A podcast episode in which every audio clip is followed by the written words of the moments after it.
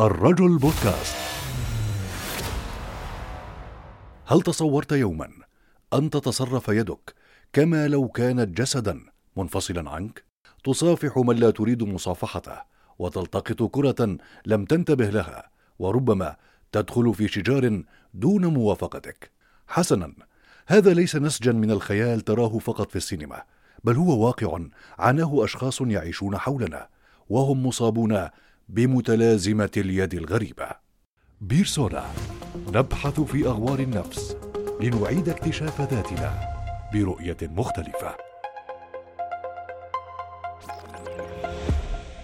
في عام 1964 جسد الممثل البريطاني بيتر سيلرز شخصية طبيب يعاني متلازمة اليد الغريبة في فيلم الدكتور سترينج لاف. بطريقة كوميدية ساخرة طرح الفيلم قصة متلازمة اليد الغريبة في أفعال معاكسة لليد الأخرى وبحركات غير إرادية كأن أحدهم يتحكم بيدك بدلا عنك. مؤخرا ناقش الفنان المصري تامر حسني في فيلمه الأخير مش أنا نفس قصة اليد الغريبة أيضا في قالب كوميدي مثلما فعل سيلارز. لكن الواقع ليس ساخرا مثل الأفلام. لأن المصابين قد يتعرضون لمواقف قد تعرضهم للإحراج وربما الخطر. متلازمة اليد الغريبة تسمى أيضا باليد الفوضوية وهي حالة مرضية تصيب الأعصاب ويصاب بها البالغون من الجنسين.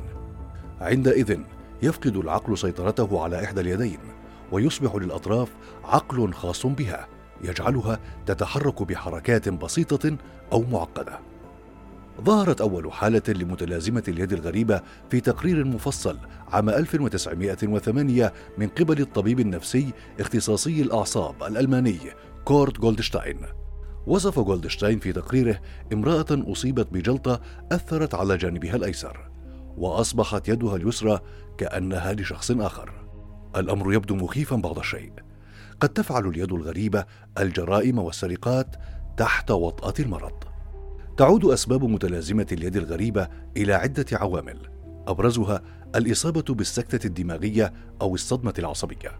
وترتبط أحيانا بالسرطان والأمراض التنكسية العصبية وتمدد الأوعية الدموية في الدماغ أو بسبب عمليات جراحية في الدماغ تفصل بين نصفي الدماغ. كما تؤثر جراحات علاج الصرع أحيانا على الدماغ بهذه الطريقة وتختلف السمات من الناحية السلوكية بين المرضى.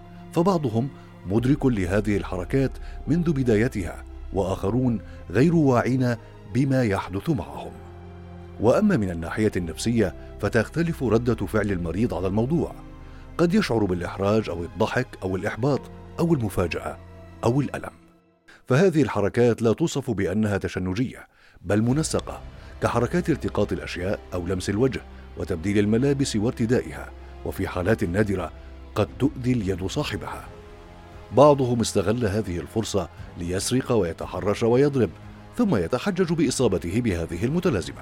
ومن المؤسف أن تشخيص متلازمة اليد الغريبة يعد تحديا أمام الأطباء بسبب عدم وجود أي مكون نفسي مسؤول عن الحالة أو وجود أي خلل في عمليات الدماغ والذاكرة والإدراك والعاطفة لدى المريض. هل لهذه المتلازمة علاج؟ لا يوجد حتى الآن علاج مثبت لمتلازمة اليد الغريبة ولكن لجأ الأطباء إلى بعض الأدوية التي أثبتت فعاليتها على المرضى لتتحكم في العضلات وتمنعها من التحرك العشوائي. كما تستخدم تقنيات أخرى من العلاج المعرفي السلوكي مع أغلب المرضى فيمكنهم كبح جماح اليد الغريبة عن طريق إمساكها بين الرجلين أو الجلوس عليها لتجنب أي حركة عفوية. لا تعد متلازمة اليد الغريبة مرضا نفسيا أو امرا يدعو للقلق. فعلى الرغم من أنها قد تبدو شيئا مخيفا فإنها حالة مرضية نادرة. وكثير من الأشخاص الذين يعانون منها يتعافون بعد مرور بعض الوقت. شاركنا ارائك وتعليقاتك ولا تفوت حلقتنا القادمة من بودكاست بيرسونا. بزاوية أخرى نرى أنفسنا.